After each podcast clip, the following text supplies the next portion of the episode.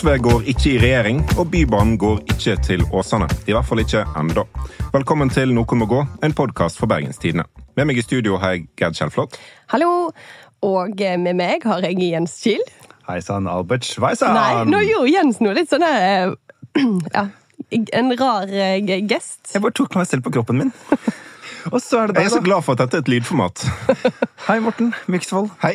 Eh, har du det fint Ja. der borte med kroppen din? Det er jeg utrolig glad for. Eh, noe annet jeg er utrolig glad for, er at eh, forhandlingene, eller sonderingene, eh, slutta i god tid i går, før vi skulle spille en podkast. Det var veldig greit, uh, Audun Lysbakken. Vi, vi takker deg. Ja. Ja. Og gratulerer med dagen. Ja, det må vi gjøre. Han har bursdag i dag. Mer om det litt seinere, for jeg har en konspirasjonsteori. All. Eh, Men vi starter i Hurdal, der SV altså i går eh, onsdag brøt ut av sonderingene med Ap og Senterpartiet. Det blir altså ingen flertallsregjering nå.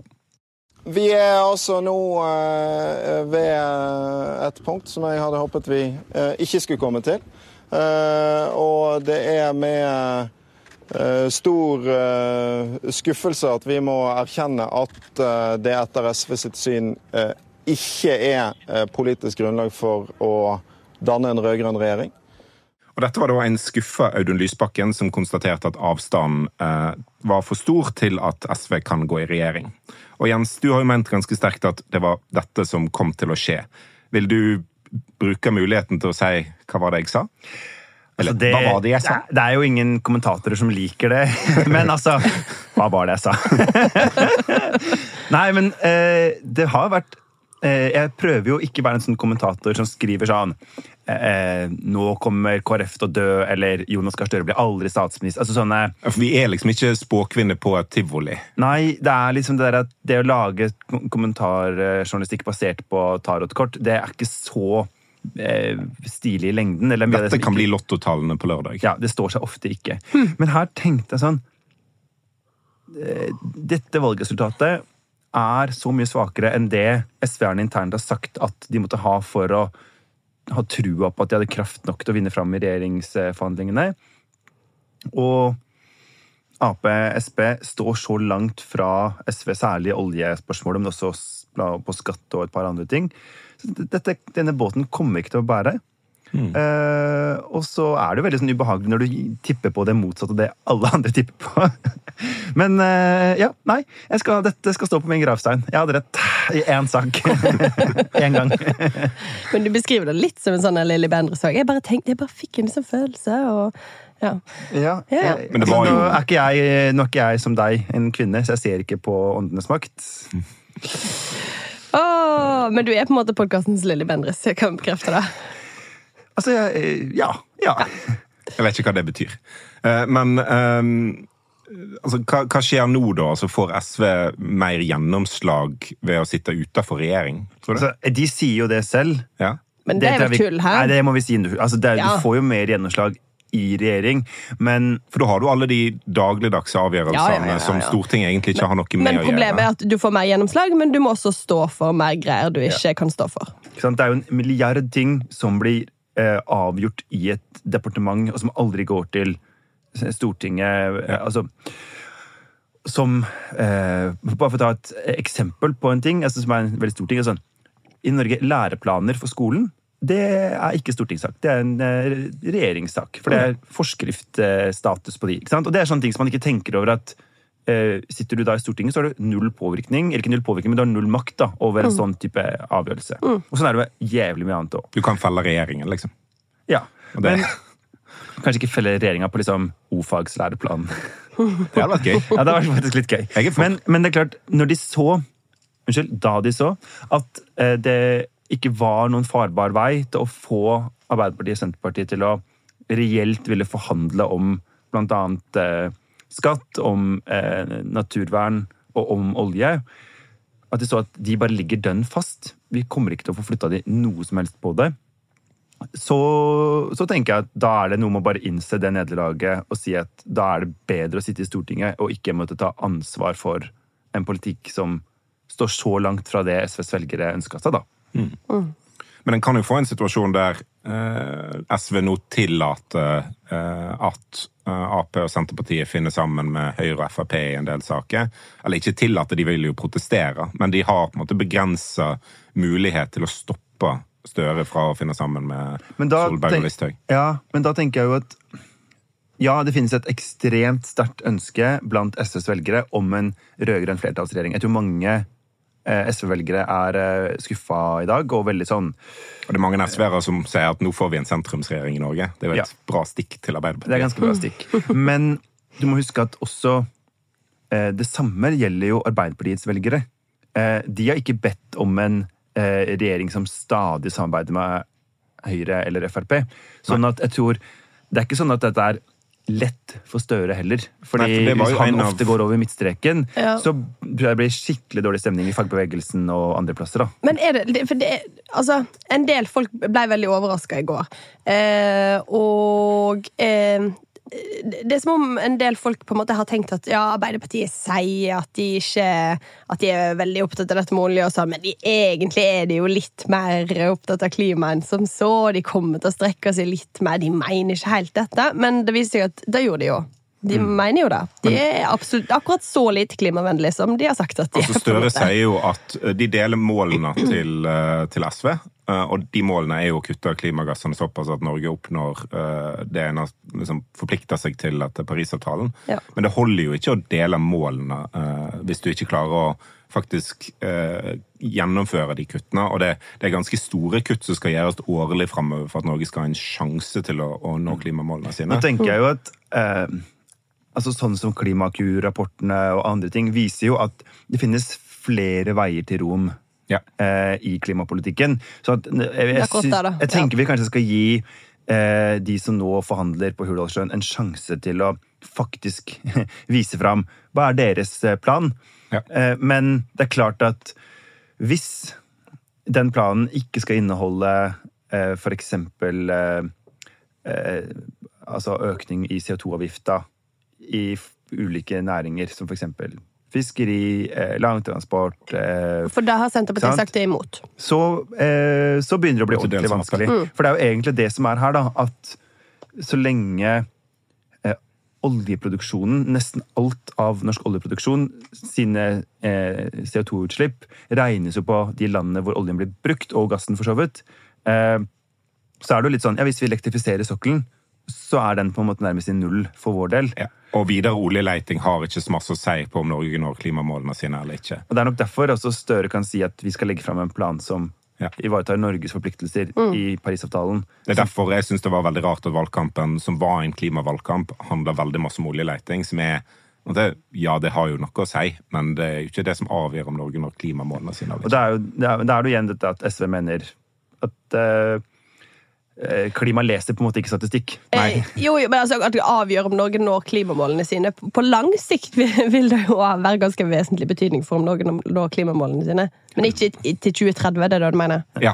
Og så Ja. er det jo spørsmålet om får vi en rask nok eh, omstilling av eh, industrien på Vestlandet. Eh, fordi hvis det motsatte skjer, nemlig at eh, etterspørselen på kontinentet bare faller drastisk fordi Europa legger om i grønn retning, Mens så sitter skal vi jo der med altså, rævskjegg i postkassa.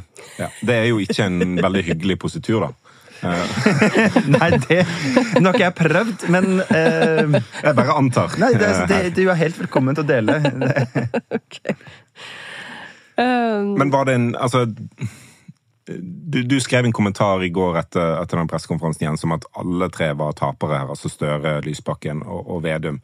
Eh, Er det ingen lyspunkter for noen av, av disse partiene Jo da, det er jo på at det. det blir en mindretallsregjering? men mange i Senterpartiet vil jo sikkert være veldig fornøyd med dette. Absolutt. Det er jo en ganske sterke krefter der, da har vi jo eh, sett, som ikke hadde lyst til å gå i regjering med SV. Ja, det er ikke tvil om det. Og, ja. og de er jo vinnere sånn sett. Jeg bare tror at eh, senterpartistene har undervurdert ikke sant? Når de skal gå i forhandlinger med mot eh, Arbeiderpartiet pluss Finansdepartementets eh, embetsverk, hvor hardt det egentlig er ikke sant? å få flytta den maktblokka der noe særlig. Ja. Og hvis de hadde hatt da SV med seg, så tror jeg at de hadde funnet sammen i veldig mange saker. Og at det har vært eh, veldig viktig for Vedum å fortelle igjen og igjen at det er avstand mellom dem og SV, for å kunne fortelle sine velgere som de har lokka over midtstreken, at dere er trygge hos oss. på en Ja. måte.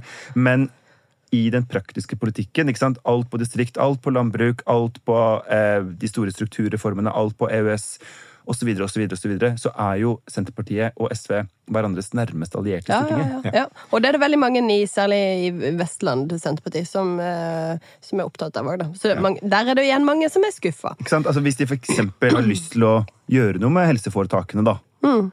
så tror jeg det hadde vært utrolig mye enklere med SV i rommet. Eh, ja. Ja. Men der tror jeg jo òg kanskje Senterpartiet har foregna seg litt fordi at SV er et fløyparti. eh, Og da har de kanskje tenkt at eh, Senterpartiet, som er et sentrumsparti, kan jo lett eh, gå over til høyresida og finne flertall. Og de likte, liker å ha den måte, frie posisjonen der.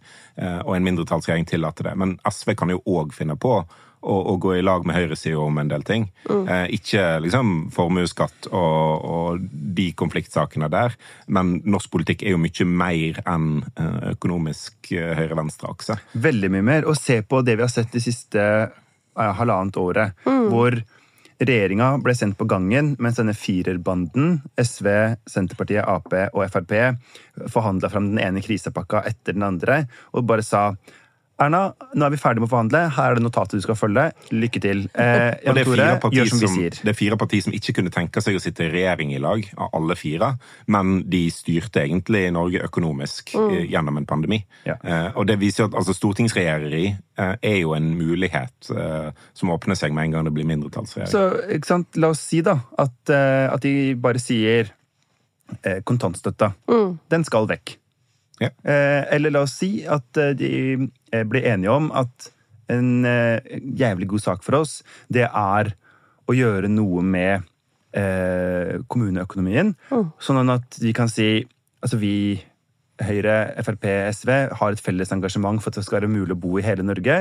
Vi orker ikke mer av den sentraliseringspolitikken og den elendige kommuneøkonomien til Senterpartiet og Arbeiderpartiet. Ja. Det kan skje. For en kan alltid finne en nedlagt skole en eller annen plass, eller en stram kommuneøkonomi Ikke så en eller annen heller. plass. Så, Ja. Og det her er jo på en måte bare eh, det som er kjipt med å sitte i mindretallsregjering, og det er jo også en Ja. grunn til at da du ser at all, her er alle tapere, på en måte. Det, altså, Ap og Senterpartiet sitter nå og kommer til å danne en mindretallsregjering. Da blir kjipere for dem enn hvis de hadde hatt en flertallsregjering. For da kunne de fått gjennomført alt de ville. Nå må de styre på sak til sak. Det er vanskeligere å få gjennomført store endringer, store reformer, gjøre de større tingene, langsiktige tingene som man ønsker. Og. Har jo tatt til orde for dette her, at man må på en måte ha flertallet for å kunne Ja. eh, faktisk gjøre store, store reformer som krever den type s- Og for arbeid. selv, altså, Erna Solberg har jo styrt i mindretallsregjering stort sett, men hun har hatt samarbeidsavtaler på plass som på en måte har landa noen langsiktige ting. Og da sier jo også SV nå at det, det kommer ikke til å skje. Så ja, for Arbeiderpartiet kommer dette til å være en ganske sånn tøff greie, da. De er på en måte så underdanige. Ja, Men formelt sett så er det jo uten en samarbeidsavtale, men uh, både SV, Arbeiderpartiet og Senterpartiet sier jo ganske tydelig at det er SV som er på en måte, budsjettpartner eh, Jo, jo, i men- Stortinget. Og det, det, da, da har du en slags støttepartifunksjon. eh, og fordi at SV kan jo ikke tenkes å ville felle regjeringen. De kan det.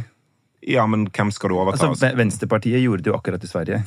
Ja, de er jo hakket mer radikale enn SV i Norge. Nei, men men, nei. men eh, jeg jeg ser liksom ikke helt at eh, SV skal, skal felle Støre, og så skal han ta en på en måte Oslo bystyre og gå på igjen eh, to dager etterpå. Ser du ikke det? Nei. Ok.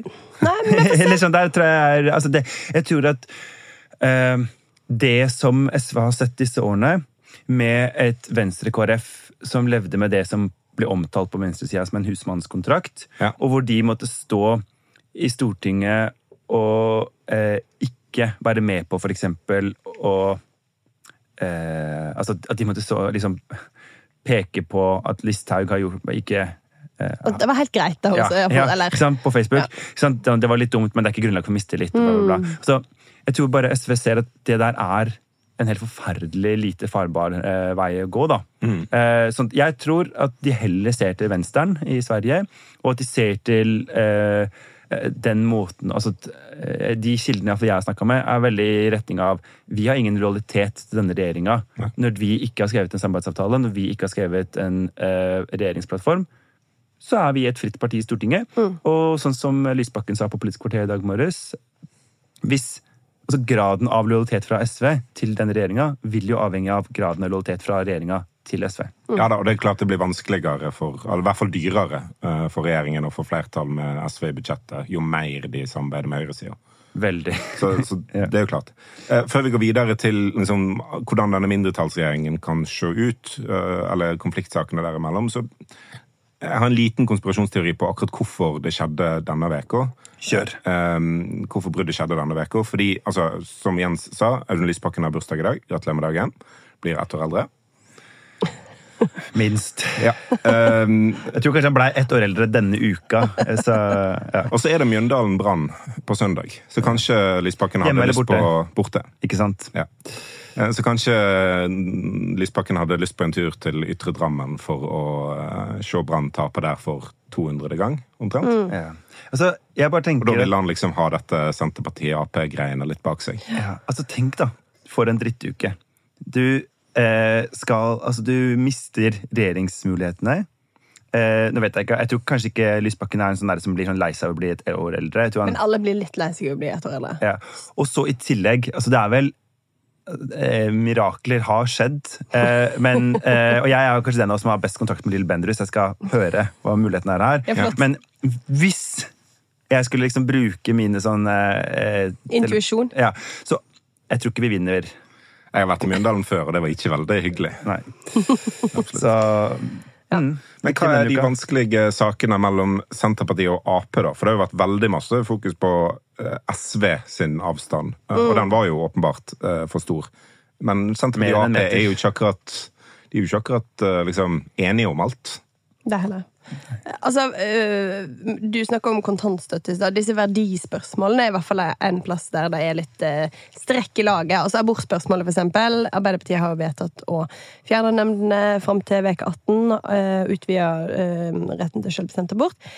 Eh, Senterpartiet står fast på at den må være på tolv uker. Ja. Sånn at det, nå er de på en måte én mot én i det spørsmålet, eh, og det gjør det litt verre. Og Senterpartiet vil også beholde kontantstøtten. Så det er på en måte Og sånn alt på sånn homs og trans og eh, eh, tredje person entall i passet. Ja. Eh, Det er ikke så mye hen i Senterpartiet. det er veldig lite hen i Senterpartiet. Det er jo et slags KrF i felleskjøpedress.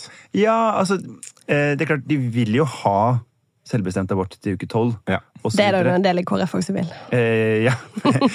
eh, men, ikke sant, men, men jeg er enig. Det er, det er et viktig område som er ganske vanskelig, og hvor og også litt som vi snakka om i stad, at, eh, at Senterpartiet har jo De veit at de har mange velgere som brenner for dette. Ja.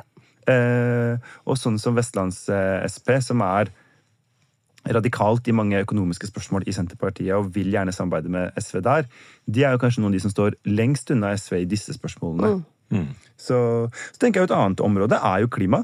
Fordi eh, jeg, altså sånn, Arbeiderpartiet har jo faktisk en god del klimapolitikk som de ønsker å få gjennomført, og Senterpartiet er jo bare nei, nei, nei. Ikke, sant? ikke i partiprogrammet, men i, i valgkampen så er det jo liksom vanskelig å se hva de egentlig vil. Og det at Arbeiderpartiet må jo legge fram en eller annen slags forpliktende plan som gir mening. Ja, altså, de bør. Ja. Men, men sånn- Ja. Det er jo grenser for hvor lenge en kan si at en uh, står på målene i klimaavtalen. Eh, en, en må levere tiltak, og Ja. jeg tror jo Ap vil gå lenger enn Senterpartiet. Så det er jeg enig. Ja. Så tror jeg jo at altså, alt på stat og styring og strukturreformer og altså alt sånn eh, fylkeskommuner, helseforetak, eh, ja, eh, sånne ting. Politireform. Ja. Og ja, domstolsreform, tjo og hei. Altså, For Ap er liksom ikke et reverseringsparti. De, de har på en De vil vel reversere deler av domstolsreformen, jeg tenker meg, men, men de har jo ikke likevel den ja, Det er ikke den samme holdninga, da. Nei, og de er jo veldig interessert i en tradisjon der uh, stortingsvedtak og, og i hvert fall reformer står seg. At en ikke skal bare reversere det den forrige regjeringen gjorde. Og så alt på EØS. EØS. Og der tror jeg kanskje det blir litt verre, noe liksom, mer krangel om eh, hvis det blir en mindretallsregjering, enn om SV hadde gått inn i regjering. For da kunne på en måte de sagt vi tapte denne saken her. Eh, det blir EØS eh, Ja, Ap kunne lagt den ballen død. Mens Ja. nå har på en måte Senterpartiet alltid SV i Stortinget å spille på. De har et Frp i Stortinget å spille på som er, blir liksom stadig mer EØS-skeptisk. Er det er rødt. Rødt, ja. ja. Så, så der Hvor står pasientfokus i EØS? eh, Litt usikker. Jeg er usikker på hva EU mener om eh, Alta sykehus. Ja. Ja. Ok. Ja. Ja.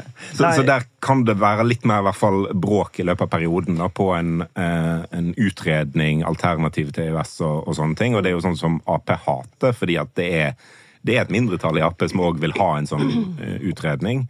Eh, som òg vil liksom se på eh, Ja, og hvis jeg skulle tippe, da altså fordi at Forholdet nå mellom denne regjeringa og Eller disse tre partiene og fagbevegelsen er jo akkurat nå litt komplisert. Ja. Fordi LO har jo veldig sterkt ønska seg en trepartiregjering.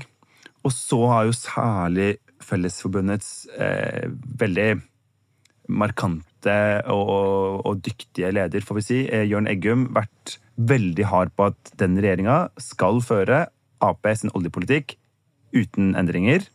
For det er et ferdigforhandla kompromiss mellom AUF og fagbevegelsen. Og det må Det de alle andre bare forholde seg til. Ja. Det er det eneste som fins. Ja, eh, Og det er jo litt fascinerende også, siden vi har hatt en valgkamp der MDG sitt ultimatum om uh, oljeleiting ble litt sånn latterliggjort. En seriøse parti kan ikke holde på sånn og stille ultimatum. Og Ap har tidligere sagt uh, at uh, vi går aldri inn i forhandlinger eller sonderinger med ultimatum. Og så er det Men det sånn, gjør de jo på flere saker. Det- det gjør de jo. Eh, skatteultimatumet, eksempel. Ja, ja. Men jeg tenker jo at eh, eh? Samtidig da, som de har heia fram en trepartivurdering, så er det jo Fellesforbundet som også har gjort det veldig vanskelig for Støre å finne noen vei eh, rundt disse sakene.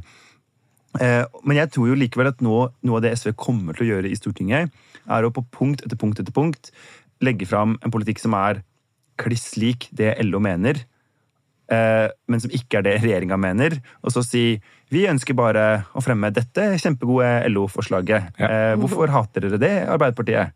Bare for å hva er det for noe? piske og plage. Ja.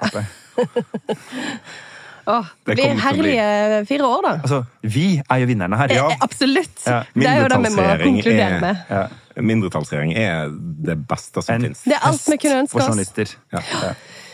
Ok. Så det blir Eh, vi må eh, ta det hjem igjen. Eh, eh, de som er nøyne Nei, de som hører godt etter denne gangen, hører jo at vi egentlig bare lager en kopi av eh, forrige ukes Ikke si det, da. Jo, men altså, da begynte vi å snakke om regjeringssonderingene, og gikk videre til å snakke om Bybanen.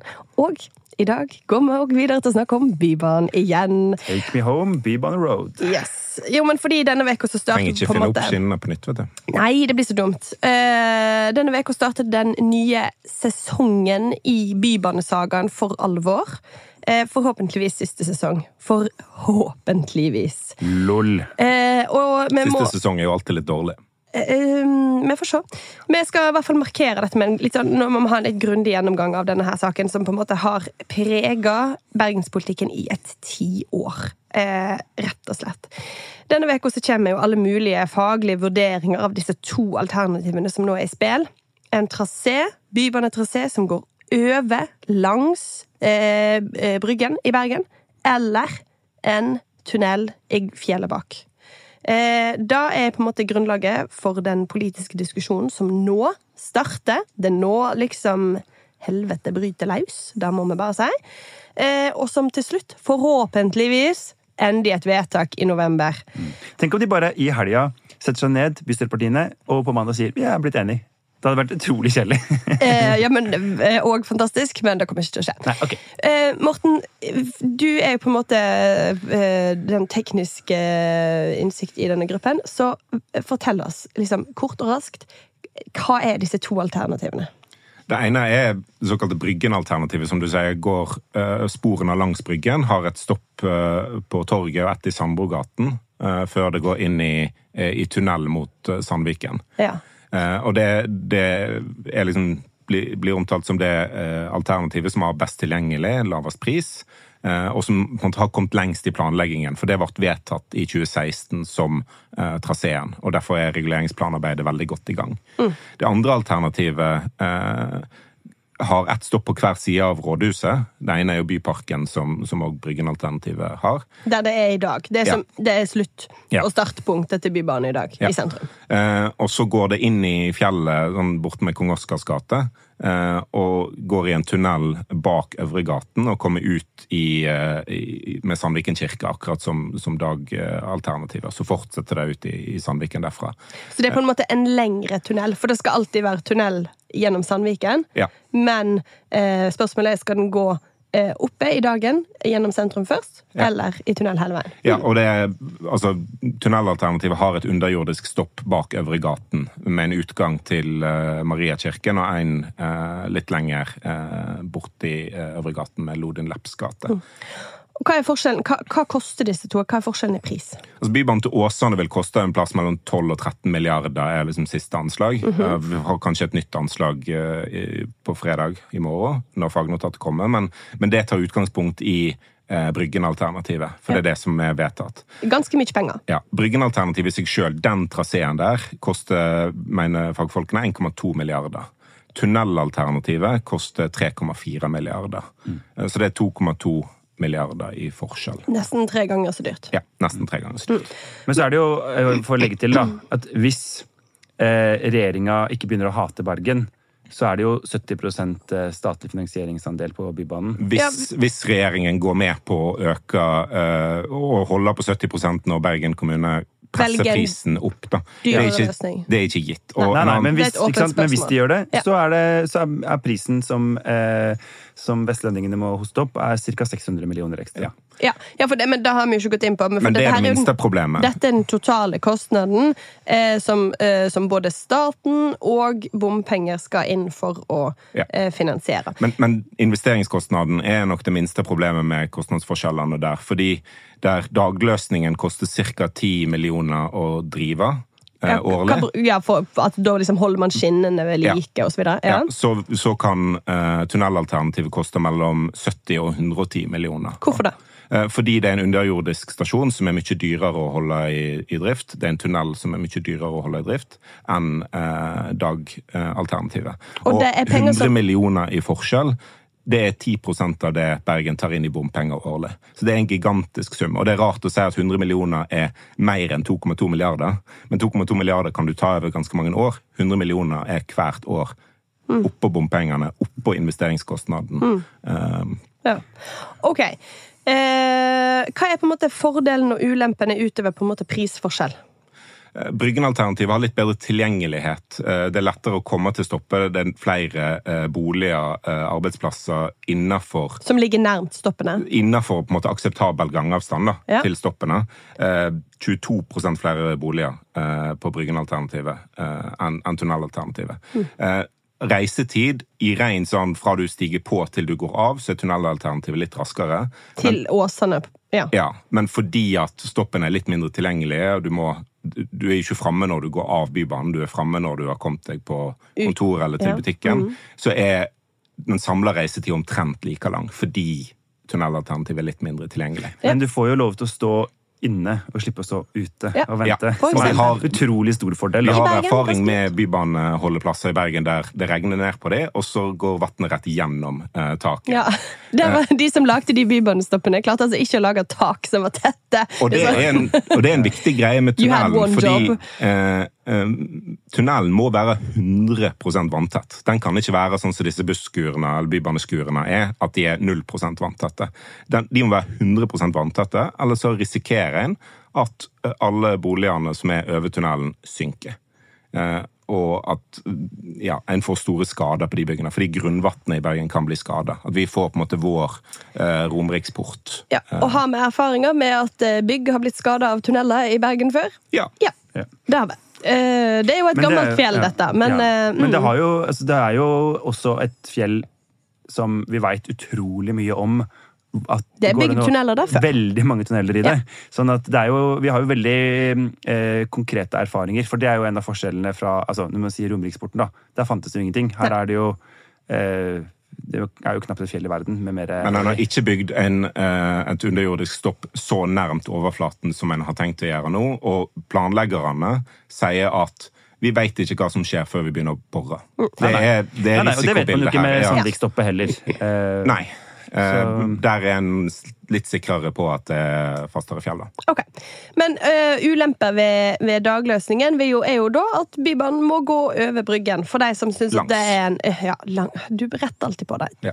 Um, Over Bryggen. Uh, og uh, det er jo eh, et problem for de som mener at eh, det vil være visuelt skjemmende. Eh, og Unesco har jo også sagt at de ikke liker det. Ja. Eh, Unesco liker det ikke. Og så er det jo eh, Altså, er det andre det er jo sant, Du får jo da hvis du bygger Bybanen der, Mm. så må eh, busser og all annen transport opp i Øvregaten. Som er en bitte liten, eh, trang, kjempegammel gate med brostein. Ja. Eh, Mm. og, og da får Men litt færre busser enn i dag, da. Ja da, men eh, Og forhåpentligvis færre biler også, fordi at de skal også gjøre en del med Fløyfjellstunnelen Ja. på denne tidsrommet, som gjør at det, den ikke vil bli stengt så mye. For Fløyfjellstunnelen skal oppgraderes Ja. uansett. Men det er klart at, at uh, hvordan Bryggen blir, altså med uh, vog, ganske lange vogner som, som lager litt lyd, i hvert fall når de svinger og Ja. bremser ned og sånn, uh, så, så blir det eh, skjemmende på, på Bryggen. Eh, hvis man drømmer om En en, en trafikkfri Ja. eh, Bryggen, Ja. altså med mulighet for å gjøre noe helt annet, med et av i dag byens sånn rareste fellesrom, Mm. så er det bare mulig med eh, Bybanen i tunnel. Bortsett fra at hvis du legger Bybanen i tunnel, så må alle bussene som går der i dag, fortsatt gå over Bryggen. Eh, lastebilene som går der i dag, vil fortsatt gå over Bryggen. Så det blir ikke trafikkfritt over Bryggen med noen av alternativene. Eh, Men, altså, men, men med eh, Bybanen i tunnel, så har du muligheten for å altså, Da er du i gang med å gjøre Bryggen trafikkfri. Med Bybanen over eh, Bryggen så vil du aldri kunne gjøre den trafikkfri. hvis du legger på et par, tre, fire milliarder til, kanskje. Ja, men det bør man gjøre. Ok. Eh, vi må gå litt videre til å snakke om eh, Komme oss litt lenger enn bare disse alternativene. For Ja. eh, du Kan jeg legge til ett siste eh, moment okay. før vi går videre? Ja, Fort. veldig kort. Og det er at de undersøkelsene som er gjort, da, tyder jo på at eh, bergenserne vil ha tunnelløsninga. Utvilsomt. Vi Eh, har spurt over tid bergenserne om det samme, og det er flere som ønsker at Bybanen skal gå i tunnel. Ja. eh, Etter hvert som dette tiåret med krangling Ja. har eh, gått for seg. Det tenker jeg jo et, det er ikke uvesentlig hva innbyggerne i byen mener om politikken. Det er ikke uvesentlig, på samme måte som det er ikke uvesentlig hva fagfolkene Eller hva det koster. råder til, alt og alle disse Ja. tingene. Grunnvannet bør òg ha en mening. Ja. Morten Miksvold gir grunnvannet en stemme, folkens. Og det takker han for. Jens, du spurte når vi skulle snakke om dette, så spurte du et eh, på en måte ganske sånn grunnleggende et spørsmål. Ja. Vil du stille det spørsmålet igjen? Ja. Altså, hva er det? For, det, for meg er det liksom det er, Jeg må bare si helt det samme om eh, de vognene skal gå foran Bryggen eller bak Bryggen. Eh, så lenge det blir bygd bybane til Åsane. Hva er det med disse ganske få hundre meterne med skinnegang som har makt til å sette sammen og sprenge eh, koalisjoner og skape eh, så mye jeg får si helvete i eh, rådhuset at man liksom for eksempel bare sier vi får heller bare bygge til Spelhaugen først, bare fordi vi, vi, tar, vi tar heller det. liksom. Ja. Ikke sant? Altså, Hva er det med denne saken? Det, det utløste jo en voldsom maktkamp i Bergen Høyre, som styrte byen eh, på det tidspunktet. Altså i starten av eh, 2010-tallet. Ja. Eh, der Monica Mæland, som var byrådsleder, gikk ut og sa, før fagrapportene Før kom, sa noen som helst hadde sagt noe. her skal Bybanen gå. Ja. Eh, og det utløste et sinne, og det, jeg tror at det var på en måte lite klokt, fordi at det, det lager en presedens eh, der en sa at vi trenger ikke vente på fagnotatene og fagvurderingene før vi konkluderer i saken. Og når vi ser på en måte på reaksjonene eh, fra eh, det, det, presse, eller det, den, eh, det seminaret som var på mandag, der eh, den tilgjengelige kunnskapen ble lagt fram, så rikker jo ikke det en flekk. Eh, fordi eh, kunnskap er ikke noe som påvirker denne saken, fordi han har blitt så fastlåst. Ja, det er Eh, det, fordi altså, Bergen Høyre eh, de har vært gjennom en lang og smertefull prosess i denne saken. Denne saken her har liksom revet eh, det partiet fra hverandre. og det er en, et, altså, I bergenspolitikken er jo Bergen Høyre eh, De har vært liksom allmektige. For Bergen Høyre hadde ei enorm bystyregruppe hadde styrt byen i ti år, Mm. og det var på en måte eh, styringsslitasje internt i bystyregruppa. Ja. Og en sleit med å kontrollere eh, Og denne det. saken bare blåste de opp. Men, men, men sant eh, så, Og selv om fagfolk eh, helt siden da har sagt eh, at Monica Mæland hadde rett Mæland har jo valgt rett, på en måte. Ja. så, så er de sånn Ja, OK, men vi vil fortsatt ha henne i tunnel. Ja. Jo, jo, men det er jo litt sånn derre Jeg tenker jo at det som Harald Viktor Hove sier, da, som er gruppeleder for Bergen Høyre, at eh, notatet viser jo at det er Mulig. Ja. fullt mulig. Mm, ikke sant? Altså, sånn det. der, Ja. sånn det, er jo ikke, det er jo ikke sånn at, at den kunnskapen som er lagt frem, sier dere må velge Nei da, det er det ikke. skinnegang i dagen. Nei, Men det- ja. Den sier at det er gjennomførbart, men med Ja. stor restrisiko, som gjør jo at byantikvaren måtte Mm. mener at det er bedre å bygge den langs bryggen. Men det er altså det her er jo blitt en sak som har vokst seg mye større enn den egentlig er. Altså, fordi alle partiene som nå kommer og skal, skal stemme i høst over dette, og skal være med på å gjøre dette vedtaket, har med seg så masse bagasje. Eh, det er blitt så masse prestisje for hvert steg i denne prosessen. Som det kom litt videre, så har det bare bygd seg opp med mer prestisje. Og nå er dette blitt en sak som er ja, Er det så himla viktig, da? Jeg vet ikke. Nei, for jeg tenker, Mitt inntrykk Ja. er at hvis eh, noen politikere bare ga seg denne Mm. høsten og sa Vet du hva, eh, det er jo litt det samme hvor den Ja, går. nå må vi bare bli bygger ferdig med dette. Eh, så tror jeg at eh, de hadde fått tilgivelse fra velgerne i valget veldig kjapt. For jeg tror Ja. den saken er mye større i rådhuset enn den er i, I folket. folket. Det tror jeg også. Men det er blitt en sak som bryter ned tilliten til bergenspolitikken, og da syns jeg er ganske alvorlig. For det er Altså, Vi kan sitte her og le av den, for den er jo faktisk en farse, men det er jo også, den har en sånn alvorlig side ved at eh, ved at den har pågått så lenge, og to ganger har de bestemt seg for en trasé. Og det har ikke betydd en dritt. Så folk ser at politikerne fatter vedtak som betyr ingenting. Og hvorfor i alle dager skal du egentlig da eh, stole på politikerne? ikke sant? Og Og det er, et stort at, problem. det er ikke gitt at hvis en vedtar en trasé i november, at det vedtaket blir stående heller. For det er alltids mulighet med en omkamp seinere. Og det er det som er så farlig. Da må ikke skje noe. Det er jo ikke byggestart på mandag. for å si Det sånn. Det skal lages ferdig en reguleringsplan. Den er kanskje ikke ferdig før lokalvalget i 2023, og da kan det bli en valgkampsak i 2023. Blir bystyreflertallet enda Mm. Ja. annerledes, da så kan det skje et nytt skifte. Og du kan på en måte se at Bybanen går inn i på en måte alle, alle de tingene som gjør at bergenspolitikken nå er på et ganske det det er på et ganske vanskelig sted, fordi du har et bystyre nå som er så fragmentert som det aldri har vært. Det er elleve partier der, det er seks uavhengige representanter. Det er kjempevanskelig å få noe som helst gjort. Du må samle en hel skokk med partiet. Og Bybanen er på en måte delaktig i dette, fordi den var allerede omstridt helt fra den kom. Det var folk som syntes at Bybanen var et idiotisk prosjekt helt fra starten av. Og så, i tillegg, så begynte bompengene å øke, fordi at staten eh, ga ikke nok penger til dette prosjektet, sånn at eh, de måtte begynne å legge på bompengene for å kunne holde bybanebyggingen i gang. Ja, for I begynnelsen, så når en satte i gang et prosjekt, så bare tok en opp gjeld. Altså En tok opp lån for å finansiere løpende kostnader, og så betalte en ned lånet, eller betalte hvert på lånet med bompenger. Men nå har lånet blitt så stort, annet fordi den rød-grønne regjeringen da, eh, ga så lite penger i begynnelsen. De, de, det var snakk om 10 eh, av byggekostnaden i begynnelsen. Resten var på bompengene. Eh, Så økte den gjelden så fort at det ikke var mulig lenger. Derfor er en nå nødt til å måtte, dekke løpende kostnader med bompenger. Mm. Og det er fryktelig dyrt. Og, sant? og da får du den her bompengemotstanden som vokste og vokste og ga grobunn for framveksten av eh, folkeaksjonen etter mer bompenger, eh, som på en måte satte politikken på hodet her igjen. Og så kommer på en måte Bryggen-spørsmålet på toppen av det. Og så skal den drittbanen som folk betaler for, som de ikke tar, eh, så skal de ta Bryggen fra folk òg. Og det er da liksom begeret renner over, tror jeg.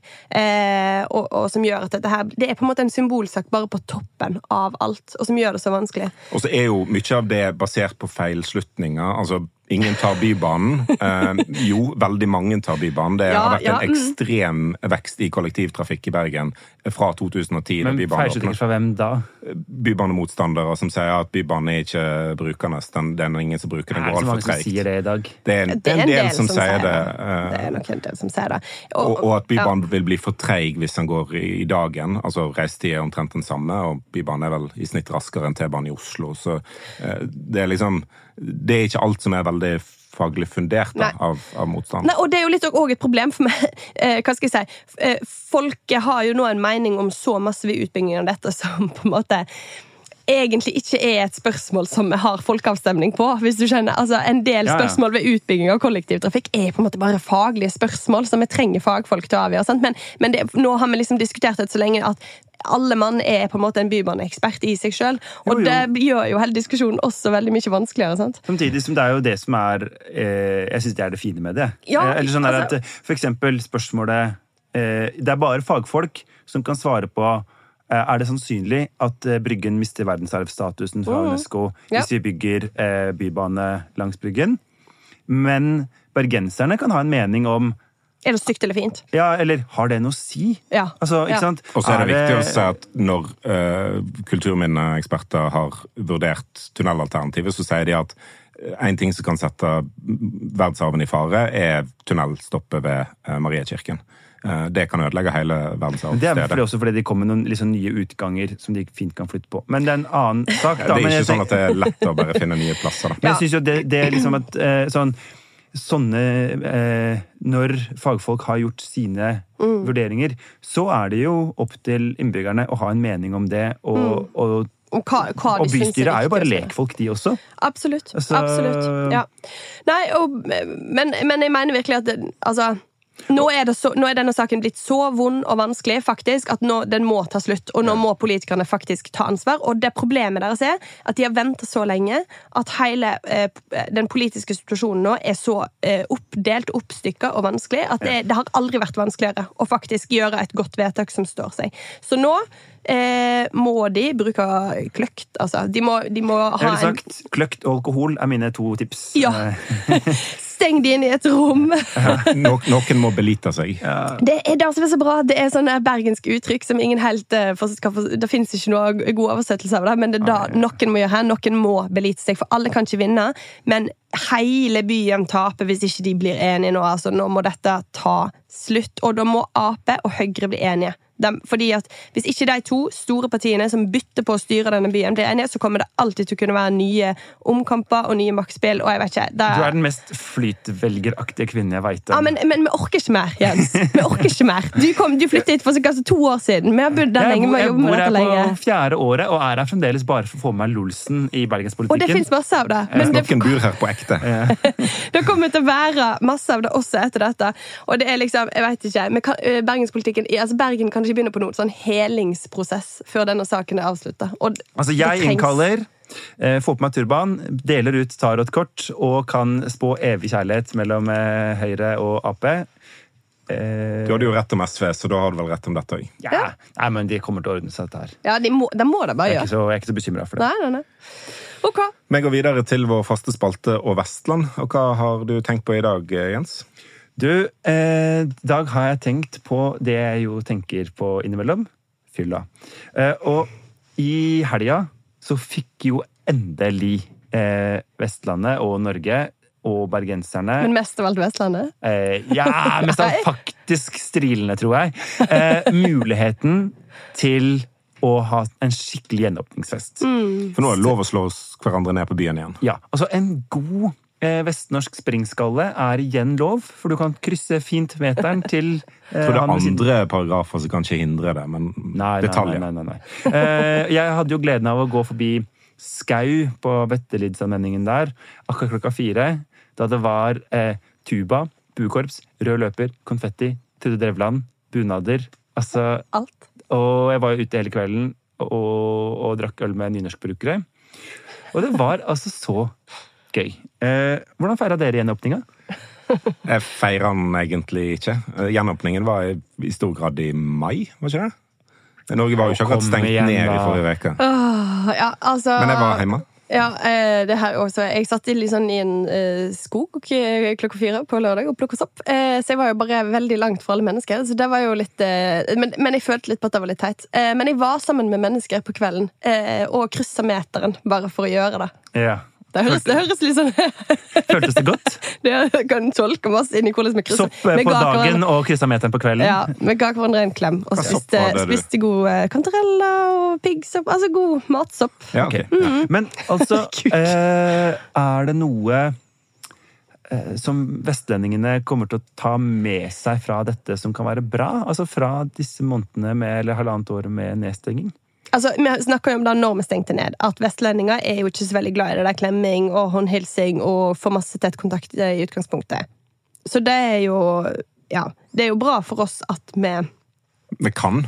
Eh, Nå, hvis vi vil. Nå kan vi. Ja, men det, det kommer jo òg fort til å på en måte komme tilbake til sånne krav om at For det er jo sånn østlandsk tyranni. At ja. det må være, vi må klemme når vi møtes. Livet på Østlandet er jo en evig sånn kykkelig klemmetid. Eh, Men det er jo noe med at på en måte, meteren er opphevet, men intimsonen har liksom ikke helseministeren noe med. Altså, den må vi på en måte få lov å, å beholde sjøl. Eh, og, og liksom, nå har vi hatt et år, halvannet, med, eh, med eh, på en måte statsbestemt intimsone. Det bør ha vært bra opplæring for en del. Eh, det kan godt hende at vi skal fortsette litt med det. Og så er det fullt mulig for alle uh, voksne som er enige om det, å bryte meteren hvis de vil. Forrige, forrige fredag, så når Erna og, og Bent Høie drev og klemte, og sånn, så, var de, så, så sto det sånn Ja, eh, ok, vi klemmer alle det nå, fordi folk som jobber sammen tett, har lov til å klemme. Og jeg bare Morten! Åpne armene mine! Og han bare gikk. En annen ting som vi åpenbart kommer til å ta med oss videre, da, det er jo dette med at, eh, at Bent Høie innførte eh, lyrikk som politisk eh, prosa. Da håper jeg vi legger vekk. For alltid. Kan jeg, kan jeg lese litt fra Bjørnafjorden kommune sin Facebook-side? Ja, gjør det. Alltid. Takk for at du blei heime i reiret og ikke gikk på fest. Takk for at du droppa å feire og i staden tok deg en test. Takk for at du vaska og sprita og heldt deg unna folk og fe. Takk for at du gjorde verda di lita, slik at vi lettere kunne følge med. Takk for at du følgde råd til punkt og prikke og gjorde som du blei fortalt. Takk for at du let deg i armen stikke. Det har faktisk betydd absolutt alt. Takk, hjerte. Dine Lindborg, ordfører. Kan jeg bare få si at Er ikke det fineste du har hørt? det, her, nei, det høres Nei. ut som det høres ut som de der diktene som folk putter i dødsannonser. og jeg har alltid lurt på hvem som lager de, men Det er nå vet jeg det er Trine Trine Lindborg. Ja. Å nei, det var, det var litt masse. Ja, og det, jeg er jo svak for dette. Men jeg merker Så- jo at jeg trenger et liksom, introduksjonskurs tilbake igjen til samfunnet. For altså, når det der er reaksjonen, uh, gjenåpning Jeg så liksom Det var gruppeklem og dansing i gatene i Stavanger. Altså, Mindre vestlandsk har den byen aldri vært. Nei, Nei, men de er jo ikke vestlandske. Nei, de- de... er jo partysvensker. Herregud. jeg har kjøpt meg en tur med danskebåten og tog til Berlin. Så right. det er, jeg kjøpte Men dyr lugar med sjøutsikt og middag i den dyre restauranten med vinpakke. Men, men jeg merker liksom at eh, Hør på han heteroen her, da. Men jeg merker liksom at dette året har liksom gjort at jeg har blitt veldig komfortabel. Jeg er jo komfortabel med litt avstand, men veldig komfortabel i, i settinger uten så mange folk. Ja. Eh, Og det er jo av og til hyggelig å være med mange, men Det er veldig ofte hyggelig å være med mange. jeg får en sånn dårlig følelse med en gang jeg går inn i et rom der det er veldig mange. For det er Ja. sånn, dette er ikke, dette er ikke greit. Dette er ikke liksom Vi må trene oss litt opp igjen Så det er ja. litt sånn tilvenningssak. Hvordan skal jeg liksom gå fram? Eh, Kanskje biblioteket eller, eh, sånn kunne kanskje, eller Senioruniversitetet eller noe kunne hatt sånn tilvenningskurs for eh, vestlendinger. Ja, det hadde kanskje vært eh, Eh, altså, Morten er jo kongen av Ja, det sa jeg Senioruniversitetet. det er- De leier den inn for alt. Hei, hei. Bra. Nei, men vi kan, vi kan kanskje konkludere med at eh, det er mest kjekt å kunne være tilbake i virkeligheten. Ja, herregud. men Gjenåpningen ga oss tidenes sjukeste nyhetssak. For i eh, regionavis og bt.no så sto det at 2000 personer sto i kø utenfor Riks. Og jeg tenker, Hvis du er person nummer 1568 i den køen, tror du at du kommer inn? Altså, hvor har, hvor har du vært? For en som har stått i 200 meter lang kø foran Berghain i Berlin, så kan jeg si at man må bare tro på det. Åh, det, Ja. det, var, det var spesielt. Men det var, nei, det synes jeg var Du er fritt til å gå hvor du vil, og så står du i en 2000 personmeter. På Victoria så var det bare å gå rett inn og labbe bort til baren og kjøpe seg en øl. Gud, hvor deilig. Et lite tips der. Eh, nei, ikke noe produktplassering. Bare rein informasjon. Ok, Før vi avslutter, er det noen som må gå denne uka? jo SV, da. Eh, Ja. Så det har vi egentlig løst det denne gangen òg. Ja, Men uh, generelt, altså uh, Alle politikere som nå ikke føler på en ekstrem trang til å løse bybanekonflikten, de, uh, de må gå. Sånn at vi de ikke kødder det til ennå. Innspill og tilbakemeldinger og alternative traséløsninger for Bybanen kan du sende Nei, til vi- NMG. snabela bt.no. Sånn at jo. Jo, trasé. Det er de Sånn at jeg ikke får det på min e-post. Ingeniør eh, Olf Gruv. Han har sendt oss dette Ja. forslaget. Slik syns jeg at Bybanen skal gå gjennom er Bare menn, og de kan gå og gå. Nei, vet du hva jeg tenker? De kan like gjerne, altså Etter at Oslo Høyre gikk til valg på en T-banering som de hadde tegna på en serviett, Nei. og de skulle liksom ha byrådslederen, så tenkte jeg vet du hva, fra da av alle sånne eh, Atle Atlesson som bor et eller annet sted i Fana, og som har tegna litt det er, det ikke noe dårlig, dette.